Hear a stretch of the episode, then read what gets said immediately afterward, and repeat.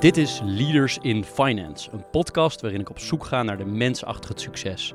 Ik praat met leiders van nu en later over hun drijfveren, carrière en privéleven. Waarom? Omdat er meer gesproken moet worden in de financiële sector. Mijn naam is Jeroen Broekema en voordat we beginnen wil ik de partners van Leaders in Finance hartelijk danken voor hun steun. Dat zijn Interim Valley, FG Lawyers, Otjers Berndsen Executive Search en Roland Berger. Het bedankje voor de gasten wordt verzorgd door Bloemon. Veel plezier met deze aflevering. Uh, welkom bij een nieuwe aflevering van Leaders in Finance. Deze week uh, spreken wij Paul Jans, Managing Director Enigma Consulting. Uh, voor mij extra leuk omdat het in Driebergen is waar ik zelf woon. Ehm, welkom Paul bij Leaders in Finance. Dankjewel.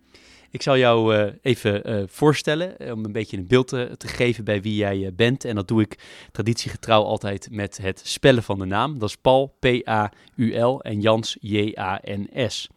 Paul studeerde biologie aan de Radboud Universiteit en deed vervolgens een aantal jaren economie aan de Hogeschool Nijmegen. Na een jaar in het onderwijs begon hij als softwareontwerper, maar rolde al snel van landschap binnen als intern consultant, interim manager en IT-manager. Hij raakt eind 2000 bij toen amper drie jaar oude Enigma Consulting betrokken om van het startende bedrijf een consultancybedrijf te maken met allereerst focus op betalingsverkeer. Inmiddels heeft Enigma meer dan 50 consultants die voor een diversiteit aan opdrachtgevers werken.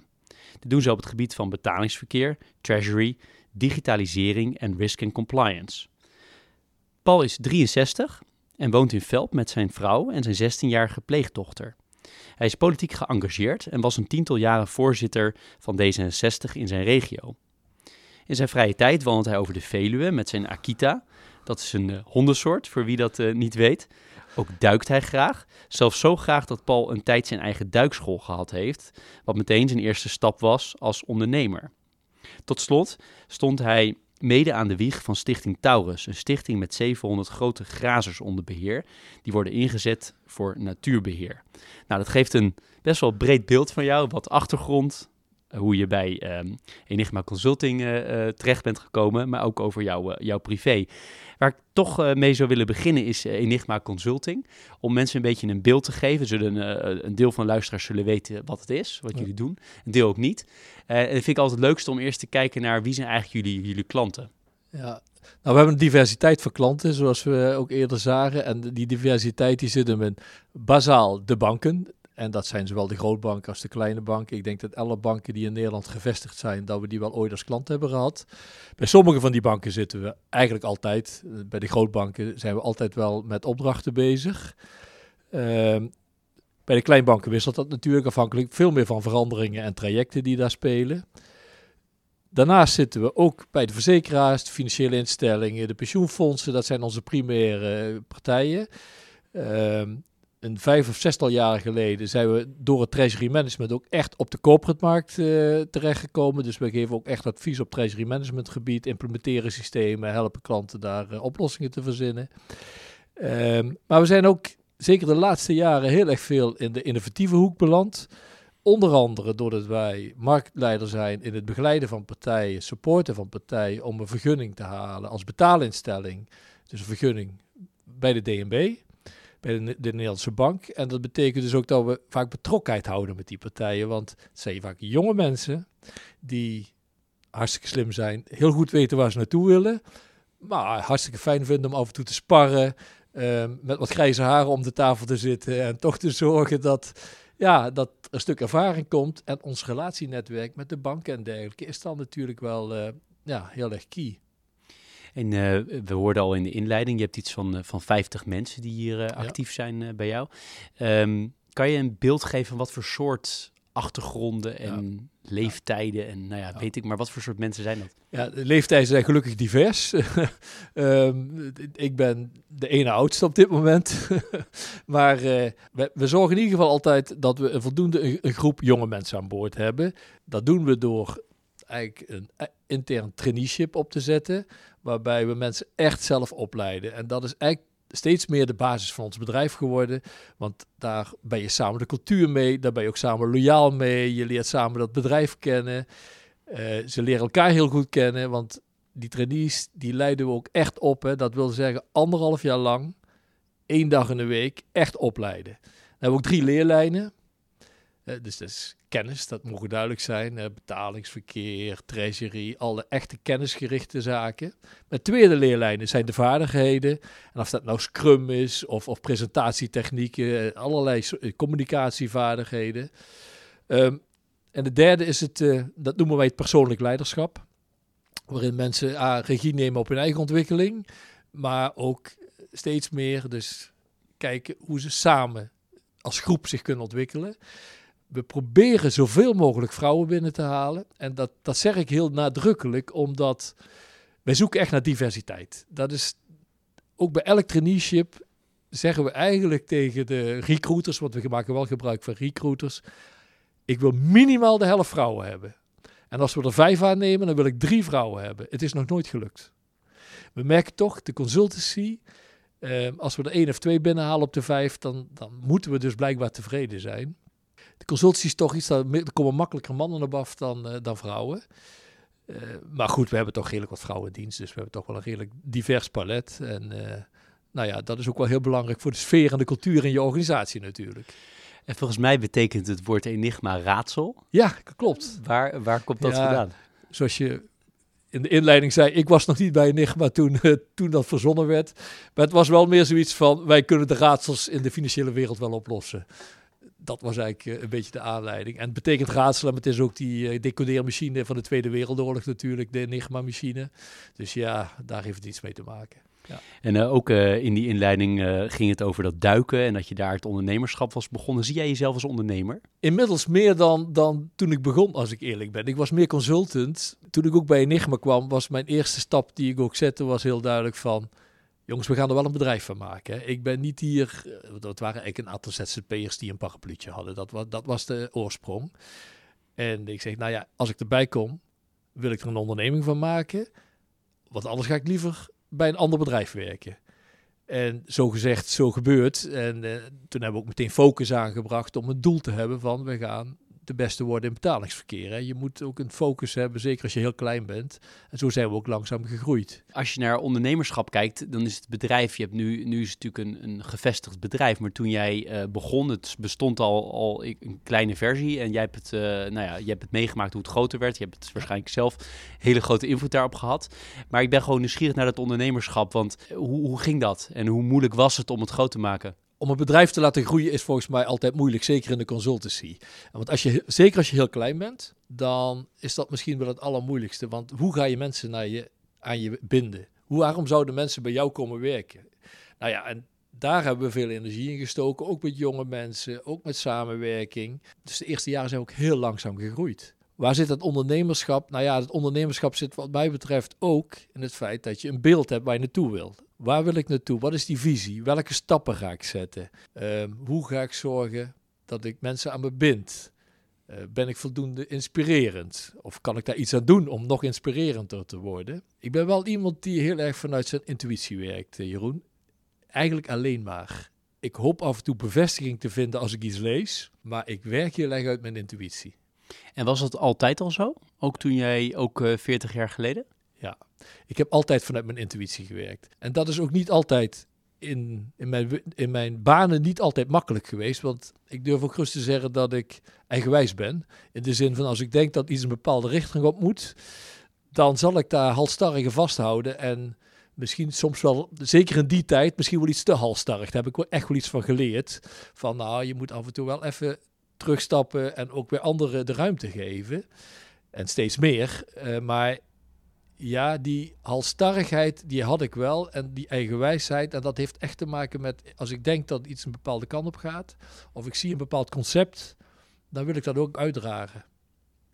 Dat is wel interessant, want heel veel uh, mensen die ik spreek in deze podcast, die zeggen, ja, ik ben in de loop van mijn carrière, zeker als ze nou, iets, uh, iets meer op leeftijd komen, ben uh, dan zien ze de waarde dan van durven ze meer te gaan vertrouwen op hun intuïtie. Maar als ze toen ze starten, waren ze dat ja. veel, durfden ze dat veel minder. Kan je verklaren waarom dat bij jou altijd zo was? Nou ja, altijd, uh, dat, dat, is altijd een moeilijk woord, hè, maar wel voordat ik begon met ondernemen. En nou ja, ik, ik heb dat eigenlijk geleerd jij noemde straks die duikschool, hè? maar dat is wel mijn basis van, van, van intuïtief handelen geweest. In een duikschool, want ik had een duikschool in de weekenden. Ik werkte gewoon uh, bij Verlandschot in die tijd. Ik had een duikschool, maar daar liepen wel 10, 12 mensen rond die les gaven. Uh, de, de, dus dive masters, zoals dat heet, maar ook instructeurs, hè, waar, waar ik er zelf ook een van was. En duiken is iets waar je wel heel serieus moet nemen, want daar zitten toch wel gevaren aan vast. Dus we hadden een duikschool waar ik mensen moest meenemen, mensen moest inspireren, maar eigenlijk ook gewoon heel strak moest zijn. En op de een of andere manier heb ik toen geleerd dat mij dat goed afging. En dat ik dat op mijn gevoel moest doen. En dat ik misschien in, ja, in tegenstelling tot veel anderen in die duikwereld die misschien, als ik dat zo mag zeggen, vaak een bepaalde macho-sfeer om zich heen hadden. Bij ons was het gewoon normaal. En wij probeerden mensen gewoon op een goede manier te begeleiden. En ik merkte gewoon dat als ik op mijn gevoel dat deed, dat we de goede dingen deden. Toen merkte ik ook, hé, hey, ik kan een club bij elkaar brengen, ik kan een club opzetten. Hé, hey, ik moet een keer iets voor mezelf gaan doen. Uh, als we wat stappen teruggaan, uh, we komen straks zeker nog, uh, nog op, um, op, de, op, de, op het bedrijf in de beginfase. maar hoe, hoe is Paul opgegroeid? Oké, ik ben opgegroeid in, op, een, op een bedrijf, op een landgoed, Landgoed Het Kruis. In, het ligt in Noord-Limburg. mijn vader was daar bedrijfsleider. En dat was hard werken. Mijn vader was bedrijfsleider, maar het was ook een beetje, als ik heel eerlijk ben, toen ik heel klein was, een beetje een feodale structuur nog. Want daar liepen dus gewoon 10, 15 knechten rond. En ja, ik noem het zoals het toen gewoon zo heette. En wij woonden midden op dat landgoed. En ik had toch heel lang het idee dat het allemaal van ons was. Maar dat was natuurlijk niet zo. Het was gewoon het landgoed van, de, nou ja, van een redersfamilie uit Rotterdam. Uh, familie Ruis, uh, die een fortuin hadden gemaakt in de rederij. Um, en ik was denk ik pas tien of zo toen ik begon door te krijgen dat het toch niet allemaal van ons was. Um, dus we woonden ook ver van het dorp af, kilometer of vijf. En met een, ik, ik heb een zus en een broer, oude broer en een oudere zus mijn oma, mijn moeder en mijn vader. En thuis was het hard werken. Wat ik zeg, mijn vader was ja, de voorman wel van ja, wat er allemaal moest gebeuren. Het was een bedrijf van een 400 hectare met zowel veeteelt als landbouw. Dus ja, er, moest sturing aan gegeven worden, er moest hard gewerkt worden. Uh, mijn vader heeft ook de mechanisatie daar nog meegemaakt. Hè. Het begon nog met paarden en nou, toen ik wat klein was, toen waren er al tractoren natuurlijk. Uh, dus er waren veel veranderingen.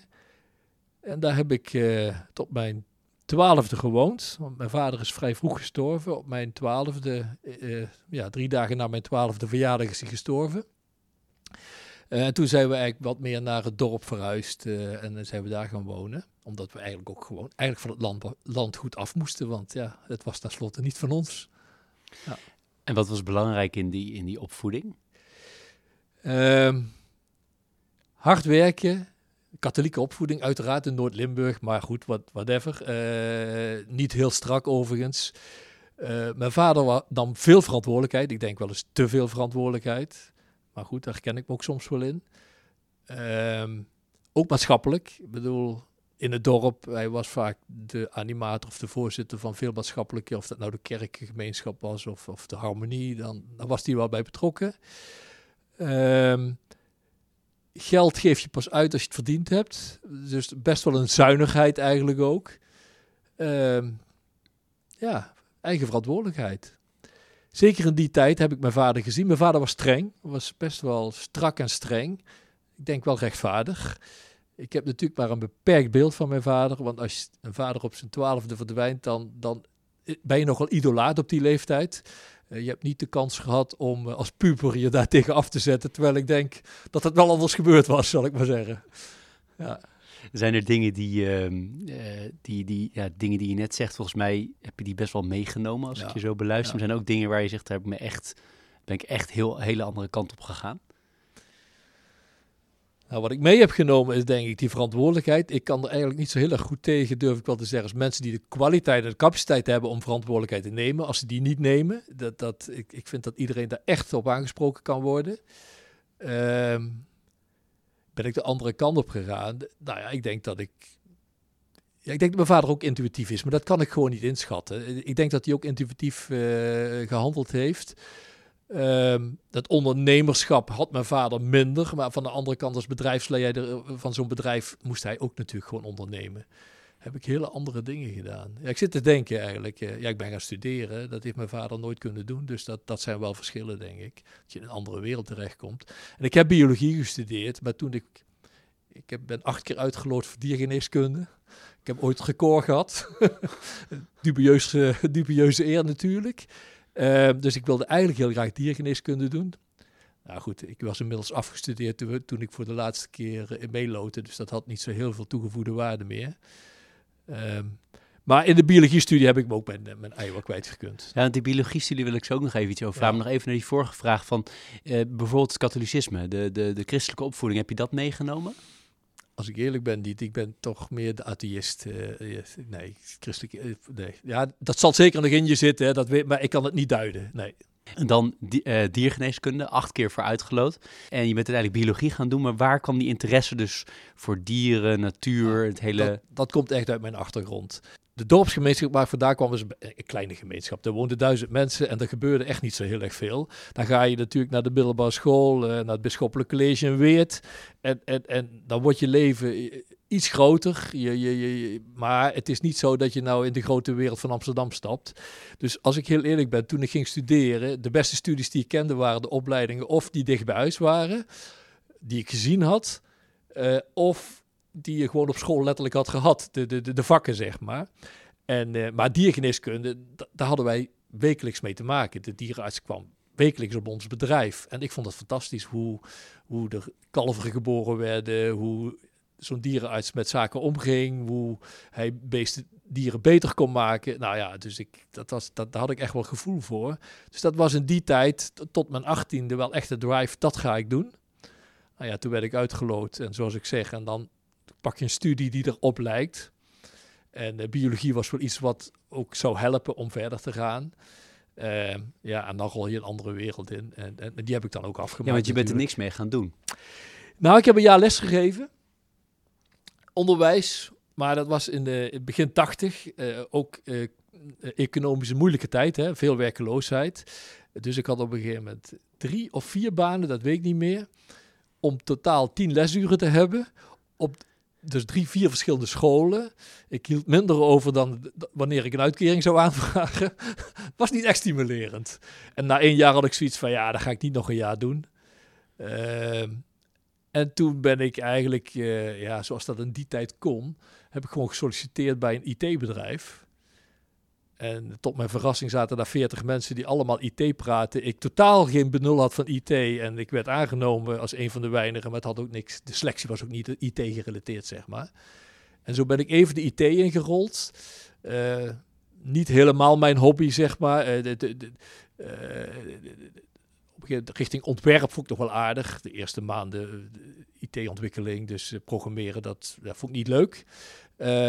Toen het richting wat meer informatieanalyse ging, zoals het toen nog heette. Dus gewoon toch business-analyse, dat vond ik al aardiger. Maar ik was blij toen ik eigenlijk uh, de kans kreeg om wat meer projectmanagement te doen. Dat lag me veel meer.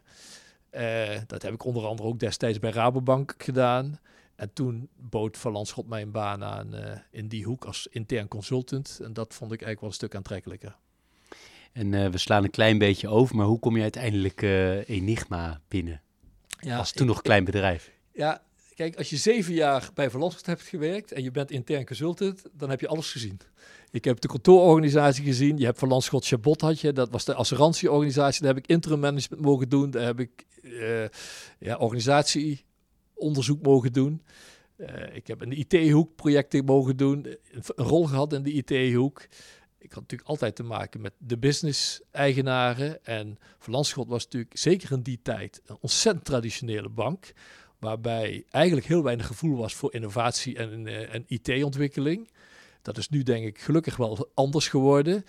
En dat betekende eigenlijk dat uh, alles wat te maken had met nieuwe ontwikkelingen die niet direct op bankproducten zaten, dat werd ik niet zo serieus genomen. Dus na zeven jaar was ik daar ook echt helemaal klaar. Toen ben ik voor mezelf begonnen met een aantal mensen. En daar was het gelukkig de eerste keer dat het echt goed fout ging. Uh, mensen hadden andere ideeën, die hadden andere focus, die wilden snel geld verdienen. Nooit mijn, nooit mijn intentie geweest om te ondernemen om snel geld te verdienen. En dat botste aan alle kanten. Dus uh, nou ja, ik kreeg toen zelf wel klussen in die tijd. Uh, en toen dacht ik van nee, hier moet ik weg. Toen zat ik toevallig bij de Rabobank op een klus. Toen kwam ik mensen van de NIGMA tegen. En die zeiden van, nou, en dat heb ik straks al verteld, wil je bij ons komen? Toen heb ik gezegd, ja, maar daar maken we er een bedrijf van. Nou ja, en zo is het eigenlijk uh, toevallig gekomen. Ik moet wel zeggen, die, dat eerste bedrijf wat, wat ik gestart was met een, een, groep mensen, dat heeft me wel geleerd meteen ook van, nou, maar zo moet ik het nooit meer doen. Je moet op een andere basis gaan. Je moet mensen werken die dezelfde, die dezelfde motivatie hebben, die dezelfde focus willen aanbrengen. En ook dezelfde energie erin willen stoppen. En dat is ook wel uh, gebleken. En wat maakt dat je het, het fijn vindt of leuk vond, ook toen en nog steeds, om voor jezelf te werken, om zelf iets uh, te, te, draaien? Ja, wat is dat? Wat is dat? Ik, um, het heeft ook iets met, met toch iets opbouwen te maken. Dat vind ik fantastisch. Iets opbouwen, dat, dat heb ik altijd gewild. Dat was met die duikschool niet anders. Dat is met het bedrijf ook zo. Iets opbouwen samen met mensen. Uh, ook mensen samenbrengen om dat voor elkaar te krijgen. Dat vind ik heel erg leuk. Een van mijn drijfveren is ook wel leiderschap en sturing. Dat, dat zijn echt drijfveren die in mij zitten, dat, die ik hier ook goed kan gebruiken, maar die, ja, die ook ja, ruimte krijgen in, als je eigen ondernemer bent. Um, en inderdaad, ik was in het begin denk ik meer consultant en nou ja, naarmate je langer dit bedrijf eh, mag leiden, dan word je vanzelf ook meer ondernemer. Dat, uh, dat is wel een beetje de historie. Want ik herken het wel en ik herken het ook bij veel mensen, zeker ook bij mezelf, dat het heel leuk is om iets nieuws te starten, om het uh, aan, aan ja. te jagen en te kijken of het gaat lopen. Maar op een bepaald moment staat er dan een, staat er dan een bedrijf en hoe zoek jij dan weer de, de nieuwe ja. uitdaging? Ja. Het is nooit mooi van consultancy, van een consultancybedrijf. Er staat een bedrijf, maar iedere keer als je een nieuwe weg inslaat, ga je weer iets opbouwen. Twee jaar geleden kwam die Payment Service Director, uh, Directive 2 hè, naar voren. En we wisten gewoon, hey, daar gaan echt nieuwe partijen in die markt komen. Daar komt innovatie in die markt. Wij gaan die partijen begeleiden. Nou, die club die mag ik dan ook meteen aansturen, mee opzetten. Daar hebben we ook een hele professionele club mogen opzetten. Heel andere klandizie mogen aanboren. Wat ik net zeg, die veel start-ups, net zo goed nationale Nederlanden of, of grote banken, hè, maar juist ook die start-ups, waar, waar ik ontzettend veel plezier uit haal om daarmee te sparren en te begeleiden. Dus ja, dat, dat past me heel goed. Maar ook die groep, die niet, niet gedeeltelijk uit bestaande mensen, gedeeltelijk nieuwe juristen, aangenomen, jonge mensen, uh, super getalenteerd ook, die, ja, die je mag begeleiden om ook daar zelf verantwoordelijkheid te leren nemen op een intuïtie te durven gaan sturen. Nou, dat soort uitdagingen vind ik heel leuk. Dus wat dat betreft, no dull moment. Waar ik ook heel erg nieuwsgierig naar ben, is je hebt onvoorstelbaar veel bedrijven van binnen mogen zien. Het lijkt me Ja. een van de leuke dingen Ja. aan jouw vak. Hè? Dat je Ja. bent bij al die banken, bij al die financiële instellingen, maar ook buiten de financiële wereld. Maar goed, dit is Leaders in Finance. Dus. Ja. Maar je hebt zoveel kunnen zien hè, in al die jaren. Wat zijn nou, het is een moeilijke vraag misschien, maar wat zijn nou de grote dingen die veranderd zijn in de afgelopen, want je doet het nu 20 jaar, hier dan en daarvoor ook al actief. Wat zijn, nou de, wat zijn nou dingen die echt jou, jou elke keer weer opvalt van dat is toch echt heel erg veranderd in die sector? Nou kijk, als ik naar, mijn, naar onze basisdomeinen kijk, zoals betalingsverkeer, hè, dan, dan is dat gewoon die snelheid van verandering, de nieuwe partijen die in die markt komen, start-ups, eh, de grote banken die hun directe klantcontact aan het verliezen zijn doordat er eh, die worden echt gedesintermedieerd door de start-ups. Hè. Dat waren eerst eh, b- tien jaar geleden waren dat eh, de betaalinstellingen, dus de Buckaroos, de Agents, de, de Mollies van deze wereld. Hè, waardoor de banken hun klantcontact verloren met die partijen, zowel aan de consumentenkant als aan de, eh, aan de, aan de merchantkant. Hè. Dat is een grote verandering. En daar valt, is zoveel innovatie gaande en zoveel verandering. Je ziet nu de big techs. Eh, jammer genoeg vind ik dat. Eh, de big techs die, die komen steeds harder binnen. En nou ja, hoeven, voldoen lang niet aan alle wet en regelgeving. Ik vind dat Europa hier ook echt achterloopt. Europa zou meer moeten toezien dat de big techs hun platforms openstellen, zodat derde partijen ook gebruik kunnen maken van hun platforms. En Apple Pay zegt gewoon, je kunt alleen maar via Apple Pay. Hè? Nou ja, dat, is, dat zou concurrentieel niet moeten mogen. Dat is geen level playing field meer. Hè? Dus daar zou echt iets aan moeten gebeuren. Ik vind dat de banken daar ook harder op kunnen lobbyen. Ik vind dat de banken het paard van Troje binnenhalen door met Apple Pay uh, aan de slag te gaan. Dat is een harde opmerking, maar ik zie toch dat ze eerst zeggen wij voelen ons bedreigd door de big techs. Dat hebben ze meerdere keren uitgesproken. En daarna kun je wel zeggen, better join them. Eh, if you can't beat them, join them. Maar ik vind dit geen goede strategie persoonlijk doordat ze nu eigenlijk gewoon nog meer klantrelatie aan het verliezen zijn. En als Apple Pay dadelijk zegt, ja, maar wij gaan het een beetje naar een andere partij sturen, is maar de vraag in hoeverre ze daar straks nog vat op hebben. Dus ik denk dat de banken zichzelf hier een stukje de das mee omdoen. Jammer. Bestuurlijk is er ook wel iets veranderd. Wat ik straks zei, er zaten echt bankiers aan het roer vroeger. Ehm, die weinig oog hadden voor verandering, weinig oog hadden voor. Ja, bankiers zijn natuurlijk per definitie conservatief, want het gaat over geld dat moet, eh, dat moet safe zijn. Hè? Dus daar zit dus een logische conservatisme in, wat ook gezond is. Maar er was conservatisme ook op vernieuwing, conservatisme ook op verandering. Nou, dat, dat is wel echt veranderd. Er zitten nu echt andere mensen aan het roeren. Mensen die ja, zicht hebben op IT, op innovatie, jongere mensen, veel meer vrouwen zeker ook in het middelmanagement zie ik gelukkig heel veel vrouwen terugkomen nu. Dat was vroeger ja, heel beperkt. Vroeger zaten ze in de operations, om het maar zo te zeggen. Nu zitten ze gelukkig ook op het hogere management en het middelmanagement. Um, en veel meer diversiteit. Dat vind ik het grootste verschil. Wat ik bij de grote bedrijven vroeger zag, en misschien nog steeds wel een beetje, bij de grote financials is dat iedereen gelijke aanstelde iedereen, dus de eerste laag van een bank en ook de tweede laag, daar waren mensen met allemaal dezelfde competentieprofielen.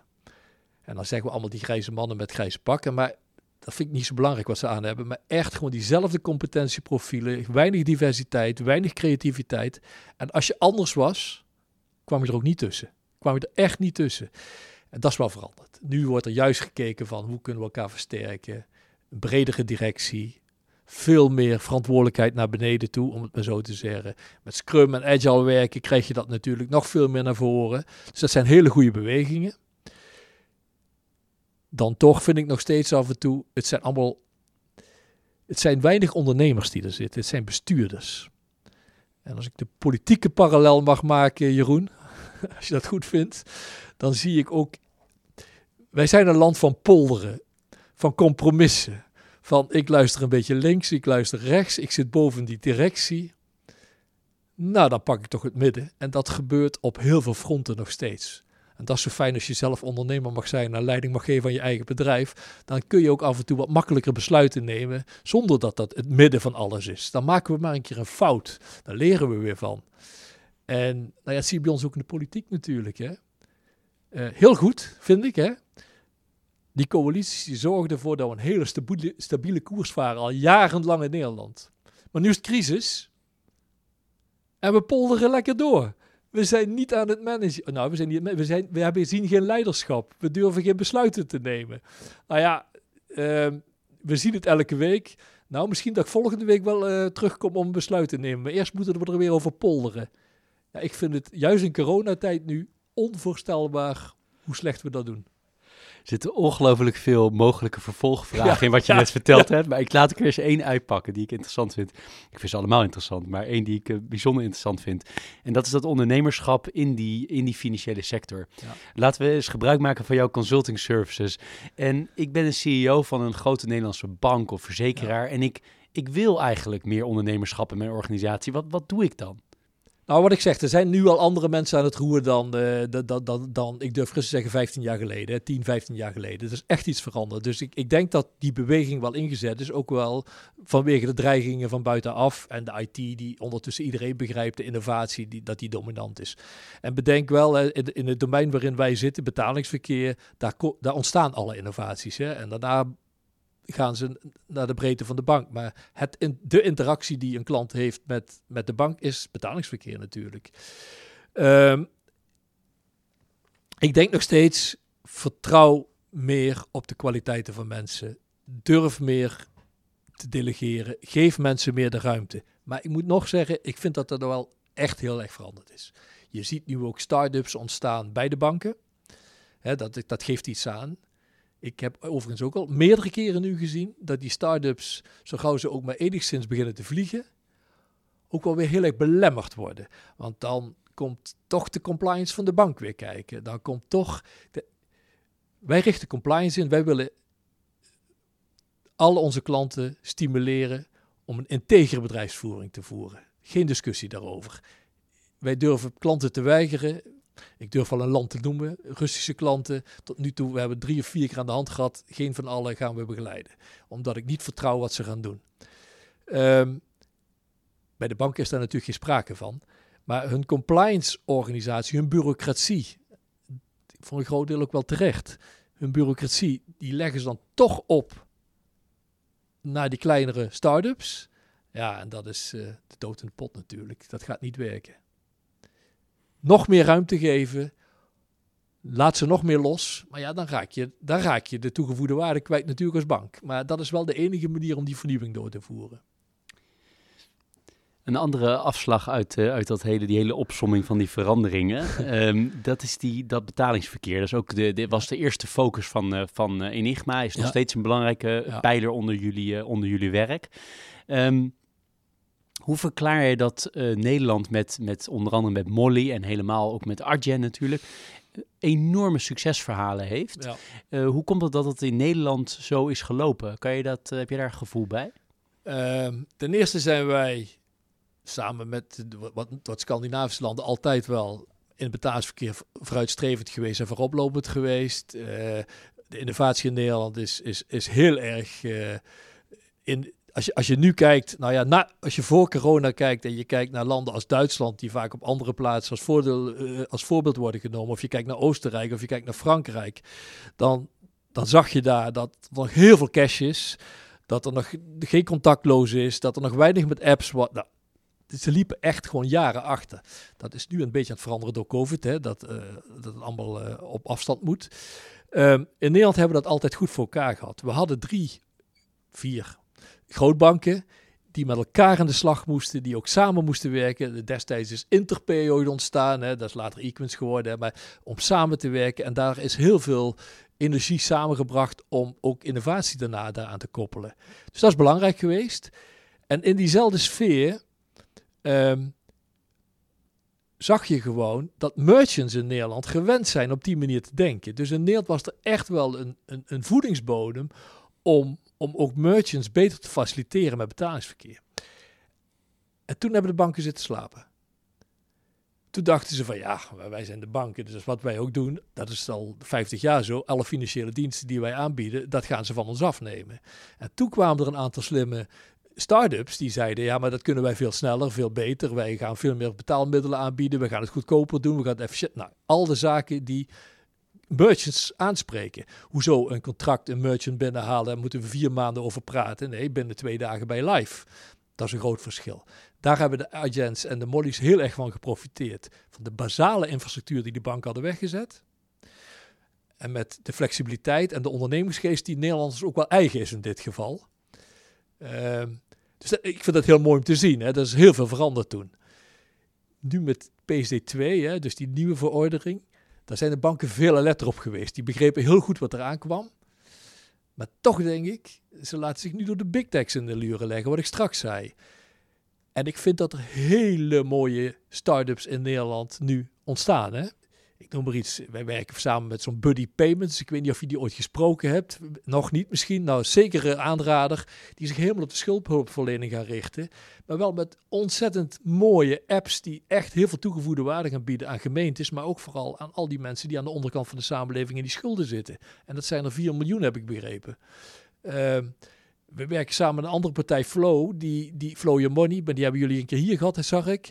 Die, die echt voor ZZP'ers de ja, echt mooie added value leveren, bedenken hoe je om moet gaan met het reserveren van je belastingen, van je BTW, van je VPV. Hoe je je administratie op orde hebt. Hoe, hoe je makkelijker kunt schakelen tussen banken. Nou, dat zijn mooie start-ups. Ik hoorde pas nog van dat mensen zeggen, nou, maar PSD2 heeft niet veel opgeleverd. Jongens, even wachten. Die start-ups die hebben even tijd nodig. Maar daar gaat echt wel een hoop innovatie vandaan komen. Als je naar die twee, uh, die twee dingen pakt, hè, dus aan de ene kant uh, de PSD2, uh, eh, die, die natuurlijk nu helemaal uitgerold wordt. Um, en aan de andere kant dat moment wat je al een paar keer hebt aangehaald over de, de, de big techs. Ja. Um, dat, die, die dingen zie jij, je zit er bovenop. En als je dat dan met senior management binnen financiële organisaties bespreekt, zien ze dat dan ook zo? Van we laten de kaas van ons brood eten, zoals jij zei? Nou ja, ik, ik, ik denk toch dat het vooral is, uh, if you can't beat them, join them. Hè. Dat, dat is denk ik toch de korte termijnvisie. En ja, zoals in heel veel omgevingen is korte termijnvisie, er moet ook geld verdiend worden, uh, is dan toch belangrijk. Ehm, en ook daar zullen succesvolle zijn. En misschien dat dadelijk die big techs wel die bank overnemen. Of, of, of, of, nou ja, bedoel, financieel kunnen ze zich dat makkelijk permitteren natuurlijk. Hoewel geen van die partijen zit te wachten op alle compliance uh, die dat met zich meebrengt. Uh, want dat maakt de banken ook erg log natuurlijk. Hè. Ik bedoel, dat is de andere kant van de medaille. Het is makkelijk om te zeggen, jullie moeten sneller innoveren. Maar de problematiek bij de banken is gewoon dat... En ze hebben oude legacy systemen. En ze moeten aan zoveel wet en regelgeving voldoen die continu verandert. Elk half jaar weer. Ja, dat ze daar heel erg druk mee zijn. Bij uh, Leaders in Finance ook altijd een teaser en een uh, pleaser. Uh, aan de teasende kant zit precies in deze hoek, hadden we opgeschreven, PSD2 is toch voornamelijk een bedreiging voor de banken dan dat het veel kansen biedt.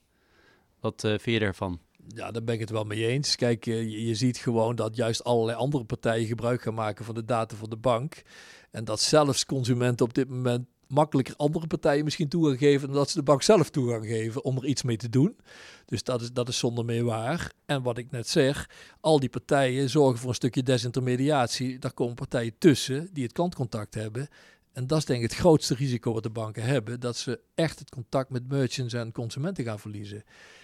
Um, en daarom zou mijn aanbeveling ook zijn, banken, gaan nou samenwerken met die plaatselijke start-ups. Want die zijn veel minder bedreigend. Laat die groeien. Maak er een Europese community van. Ben niet zo afhankelijk van die twee Chinezen en die vier Amerikanen.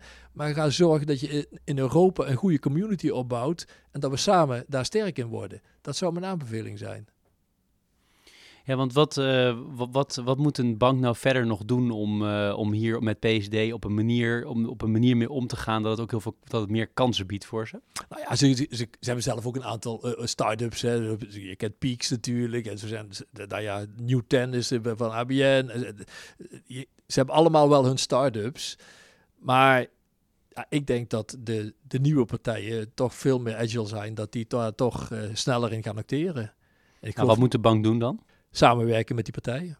Samenwerken met de start-ups in Europa. En wat ze ook moeten doen is af, afstand doen van hun uh, legacy systemen en veel meer in de cloud gaan werken met standaardisatie. Want dat is denk ik ook wat de toekomst gaat worden. Dat ze niet meer allemaal 8000 IT'ers in dienst hebben om een legacy systeem in stand te houden, maar dat het in de cloud gaat en dat ze heel veel services uit de cloud trekken. En uiteraard die voorkant, daar moet je het verschil gaan maken. Aan de pleasende kant vragen we altijd hetzelfde. Allereerst vragen we of jij uh, graag leest. Ja, ik ben geen groot lezer. Ik lees wel, maar ik ben geen groot lezer. Maar... Nou ja, de vraag is of je bepaalde boeken hebt die, uh, waarvan je ja. zegt, die, die, die, ja. heeft, die heeft mij geïnspireerd. Nou, ik heb net, ik ben nu Obama aan het lezen, hè, Beloofd Land. Dat, dat, ligt, dat ligt ook dicht bij mij. Hè. Dat is zowel politiek als, als, als, als leiderschap, als, nou ja, dat speelt van alles. Um, wat ik daar integrerend vind, is dat wat mij betreft de president, waar ik eigenlijk heel veel achting voor heb, die een visie had en een visie heeft, die samenhorigheid wilde brengen, die de, die de sociale moeilijkere partijen wilde helpen, of dat nou met de gezondheid was of eh, op allerlei vlakken, die zelf ook in het verleden, want daar begint het boek mee, in de sociaal armere wijken heeft gewerkt in Chicago. Uh, die mooier kon speechen dan ik ooit iemand heb horen speechen, durf ik wel te zeggen. Hoe mooi hij het kan vertellen. Dat zo'n man eigenlijk niks voor elkaar kon krijgen door de ontzettende tegenstelling in de maatschappij. In Amerika, en dan hoef ik alleen maar over vorige week te praten natuurlijk, en dan snappen we allemaal waar we het over hebben. Dat vind ik heel erg jammer. Dat is ook een heel groot nadeel van dat twee-partijen systeem. Je ziet in de UK ook een beetje, je ziet zelfs in Duitsland een beetje. Dan ben ik toch weer blij. Met ons poldertje, waar we met meerdere partijen toch altijd wel in het midden blijven, behalve in crisistijd. Voor als mensen deze podcast pas over een jaar luisteren. Vorige week was de bestorming van het Capitool. Dat iedereen dan uh, ook dan nog heel goed weet wat het was. Dat denk ik ook, ja. Dat staat in ons uh, collectieve geheugen gegrift. Als we kijken naar jou als, uh, als manager. Ja. Hoe, hoe, hoe, stuur jij deze club aan? En ja. hoe heb je altijd teams aangestuurd? Ja. En is dat veranderd in de loop der tijd? Ja, weet je, ik heb zelf heel veel consultancyklussen altijd gedaan. Of ik was eigenlijk meer de programmamanager altijd, als ik eerlijk ben. Hè. Dus ik, de sturing van grote changes uh, binnen banken vaak. Um, hoe, en dan stuurde je toch vaak op afstand, hè, laat ik heel eerlijk zijn. Want ik zat zelf ook vier, vijf dagen op de klus. En dan was het best lastig om mensen nog bij elkaar te houden. Dus eigenlijk had je een model van professionals, en dat hebben we ook, hè, professionals die zelfstandig, autonoom kunnen werken en die ja, die klus ook zelf kunnen klaren. In de, in de tweede helft van mijn, de latere tien jaar, waarin we ook veel meer met die young professionals zijn begonnen, zijn we daar veel dichter op gaan zitten. En ik ben heel trots op ons Young Professional programma, omdat ik heel vaak hoor dat mensen traineeships hebben. Dat betekent gewoon dat ze ook een, een twee dagen opleiding krijgen en dan gaan ze gewoon aan het werk na anderhalf jaar hebben wij voorwaardige consultants opgeleid. En die hebben we ook nodig dan. En dat is het mooie. Wij doen nu dit traineeship samen met Rabobank. Hè. Dus we hebben een groep van Rabobank en Enigma mensen, totaal tien. Die leiden wij op. En een groot deel van die groep doet ook opdrachten bij Rabobank. Op verschillende domeinen. Dus die krijgen ook veel te zien. Nou, om dat te faciliteren, dat vind ik belangrijker dan als je zegt, hoe stuur je die aan? Geef mensen de ruimte, geef ze eigen verantwoordelijkheid. We hebben dit jaar ook voor het eerst gezegd van beoordelen doen we niet meer. Maar we hebben wel verplichte intervisie met elkaar in, in groepen. We hebben verplichte elkaar feedback geven. Maar veel minder van boven naar beneden, maar veel meer faciliterend naar elkaar. En wat is een tip die jij vaak geeft aan mensen? Of blijf, blijf zitten. Ga, ga, laat mensen hun gang gaan. Laat, geef mensen ruimte. Um, maar geef ze ook feedback. En geef wel voldoende respons. Of zorg dat je een organisatie hebt die dat met elkaar doet. Daar hebben wij ook nog een hoop te leren, want dat is niet makkelijk. Hè? Dat is ook kritisch durven zijn naar elkaar. Uh, kritisch durven zijn naar jezelf. Uh, dat zijn belangrijke stappen. Ik, ik, ik vind bijvoorbeeld het nummer van, uh, van Ramses Shaffi, laat me, dat, dat, dat, dat doet me altijd iets. Want ik denk van, laat mij. Maar zorg ook dat je anderen kunt laten. Uh, binnen bepaalde kaders uiteraard. We moeten gewoon onze klussen uh, hebben. En bedenk ook altijd, geld verdienen kan nooit een doel zijn. Het is altijd de restante van datgene wat je met elkaar creëert en waar je lol in hebt. Daar moet je lol in hebben. En, uh, ja. en, en, wat voor feedback krijg jij? Te weinig. Ehm, terwijl ik denk dat ik nou, we zijn heel laagdrempelig. Iedereen durft bij mij binnen te stappen. Ik bedoel, die jong professors die net de twee maanden hier rondlopen, die, uh, die heb ik eerder een keer moeten leren. Nou, als ik in gesprek ben, dan moet je toch echt die deur even dicht laten. dus die laagdrempeligheid hebben we met elkaar. Hè? Dus dat je, dat je af en toe denkt van, joh, je moet wel nog begrijpen dat er toch wel bepaalde regels zijn in het leven. Ja. Maar, maar nee, dus iedereen spreekt elkaar overal op aan. We hebben pas ook nog met het MT een rondje intervisie gedaan, zeg maar. Van wat vinden we van elkaar en wat kan beter en, en hoe kom je over. Dus dat is één manier. Ik probeer ook altijd mensen te ontlokken je mag altijd alles zeggen. Als ik een presentatie hou binnen Enigma, dan vind ik het heel vervelend als mensen later zo zeggen, ja, dat had ik willen vragen. En ik heb ook totaal niet het idee dat dat, dat, dat gebeurt. Iedereen durft alles te vragen. En ik zeg ook altijd, ik durf ook altijd overal antwoord op te geven. Ik zou niet weten waarom niet. We zijn heel transparant. Maar wat voor feedback krijg jij? Als, je dan toch, als het dan toch zover is gekomen? Toe wel een beetje eigenwijs ben, uh, dat weet ik. Ik kan ook wel een beetje drammerig zijn, is minder geworden, durf ik te zeggen. Ik, ik heb leren luisteren. Nou, ik denk dat ik altijd wel luisterde, maar dat ik vaak daar te weinig blijk van gaf dat ik dat deed, terwijl ik het wel meenam. Nu weet ik gewoon dat ik dat beter moet teruggeven, dat ik het gehoord heb en dat ik daar ook iets mee doe. Uh, dat zijn wel zaken die voor mij ja, in het leerproject zitten. Hoe uh, manage jij uh, zo'n bedrijf runnen en destijds het opstarten in combinatie met, uh, met je privéleven? Ja, dat is altijd een uitdaging als je ondernemer bent. ik denk, nu is dat veel makkelijker. Ik, ik doe nog wat klussen, meer wat strategischere klussen, wat ik leuk vind, kleinere klussen. Ehm, ik, stuur ik stuur deels groepen aan of hebben of gezamenlijk overleg. Maar ik zit niet meer fulltime op een klus. Dus eigenlijk valt het nu allemaal wel heel erg goed te combineren. Uh, in de tijd toen wij net begonnen, ik tijden had dat ik 40 uur op de klus zat, was je ook nog 25 uur bezig met, uh, ja, met, met, met Enigma. Ja, dat was heel zwaar.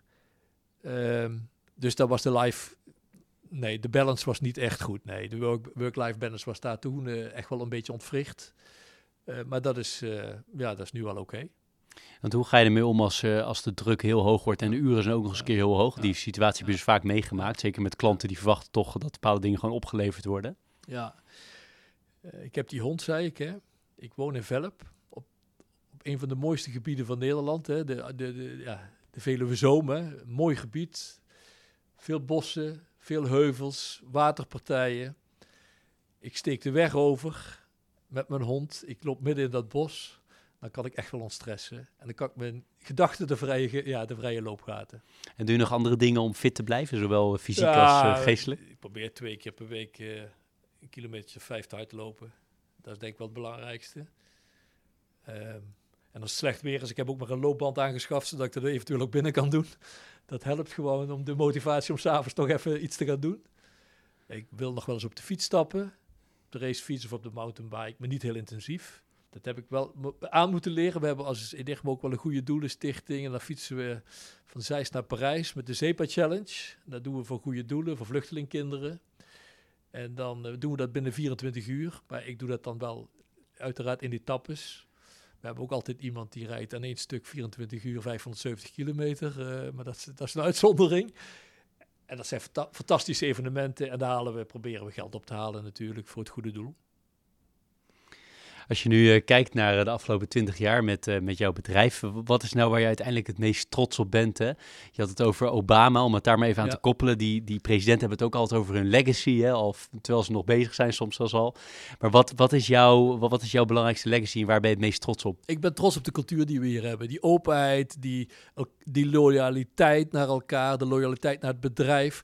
Toen corona kwam en we moesten een achteraf niet nodig. Hè? Maar op dat moment hebben we echt een aantal forse maatregelen genomen. Ook in de inkomenssfeer, in de, in de sfeer van, van, van, van vakantiegelden. Gelukkig hebben we dat in september allemaal weer kunnen rechttrekken. Maar toen hadden we zoiets van, nou, we moeten echt voorzichtig zijn. Want wij willen gewoon dat dit bedrijf, ook als het heel slecht gaat, één jaar kan overleven of twee jaar kan overleven. Nou, volledige loyaliteit, volledige support. Alleen maar nadenken wat we beter kunnen doen. Alleen maar mensen, ja, maar daar zijn opdrachten. Misschien moeten we daarin stappen. Heel veel hulp van elkaar. Dat vind ik het mooiste van dit bedrijf. De cultuur, het samen doen. Ja, loyaal zijn naar elkaar. Hoe creëer je dat? Ik denk dat heel veel mensen dat willen. Ja, ja, maar dat, ja dat, dat doen we met elkaar ook. Ook dat, laat ik vooropstellen, dat doe je nooit alleen. Dat is die win-win. Um, Cruijff zei het volgens mij, uh, als je dat samen dat iets wil bereiken, dan kan het nooit je eigen doel zijn. Het is het andere doel waar je naartoe moet. Weet je, het is nooit je eigen doel waar je in wilt trappen. Je moet dat andere doel, uh, daar moet je die score uh, gaan halen. Dus je moet gewoon samen dit opbouwen. Dat is mijn managementteam, dat zijn de partners, dat zijn de seniors, dat zijn de juniors. Dat doen we allemaal samen. En uiteraard moet er een sfeer zijn. Ook dat doe je samen. Maar dat betekent dan, ik ga nu invullen hoor, maar dat je dus heel erg kritisch bent op wat voor soort persoon je aanneemt. Of heel kritisch bent op hoe we met elkaar omgaan en dat stimuleert. Ik, ik weet niet of het op, aan de aanname... Ja, mensen moeten hier passen, ja. Maar dat zeggen we ook altijd als we gesprekken hebben. Ja, natuurlijk hebben we veel gesprekken met mensen. Ja, qua sfeer past dat. Weet je, dat is het eerste wat we zeggen. Of, nou ja, dat, dat gaat het niet worden. En waarom niet? Nou, omdat mensen misschien te bureaucratisch zijn. De consultancy, wij zijn, ja, wat ik zeg, down to earth. Bureaucratie past ons niet. Mensen zijn te veel opgegroeid in een bepaald stramien.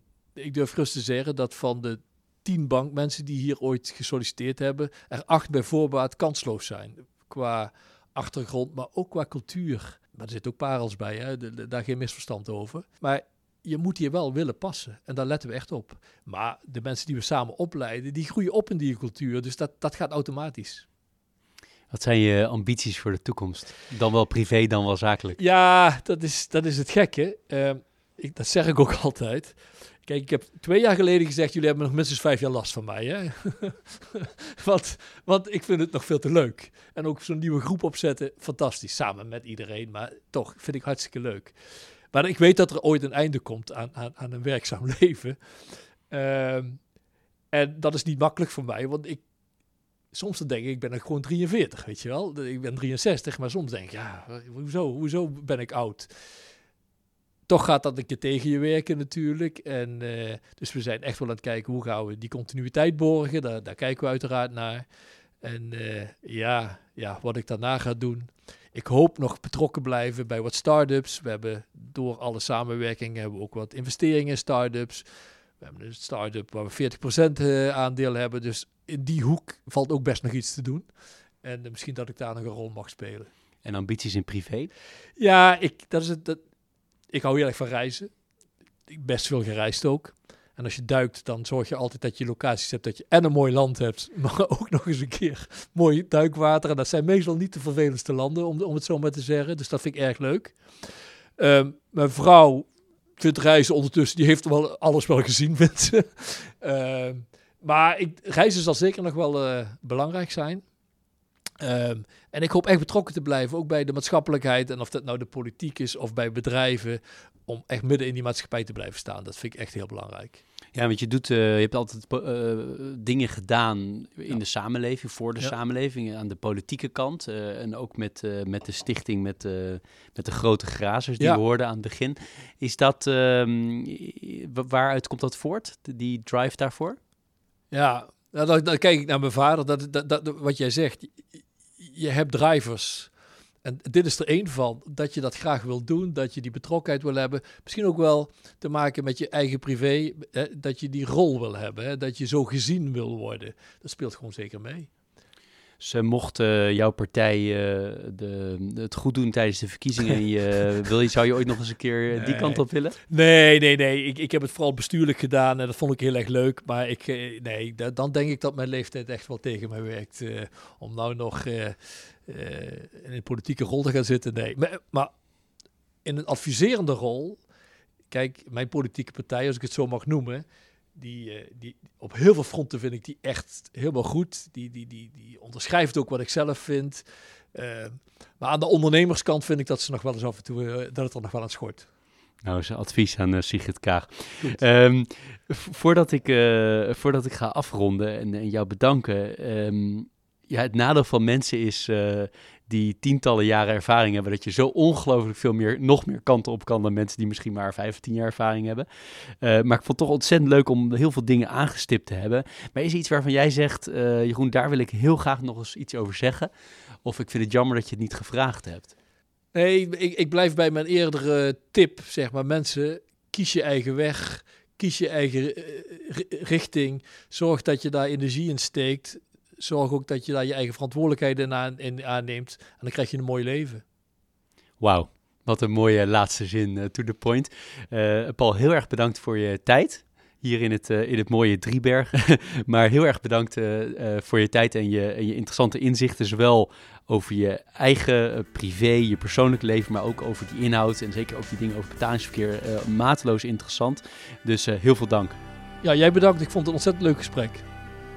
Dit was Leaders in Finance. Veel dank voor het luisteren. Ik hoop dat je ervan hebt genoten.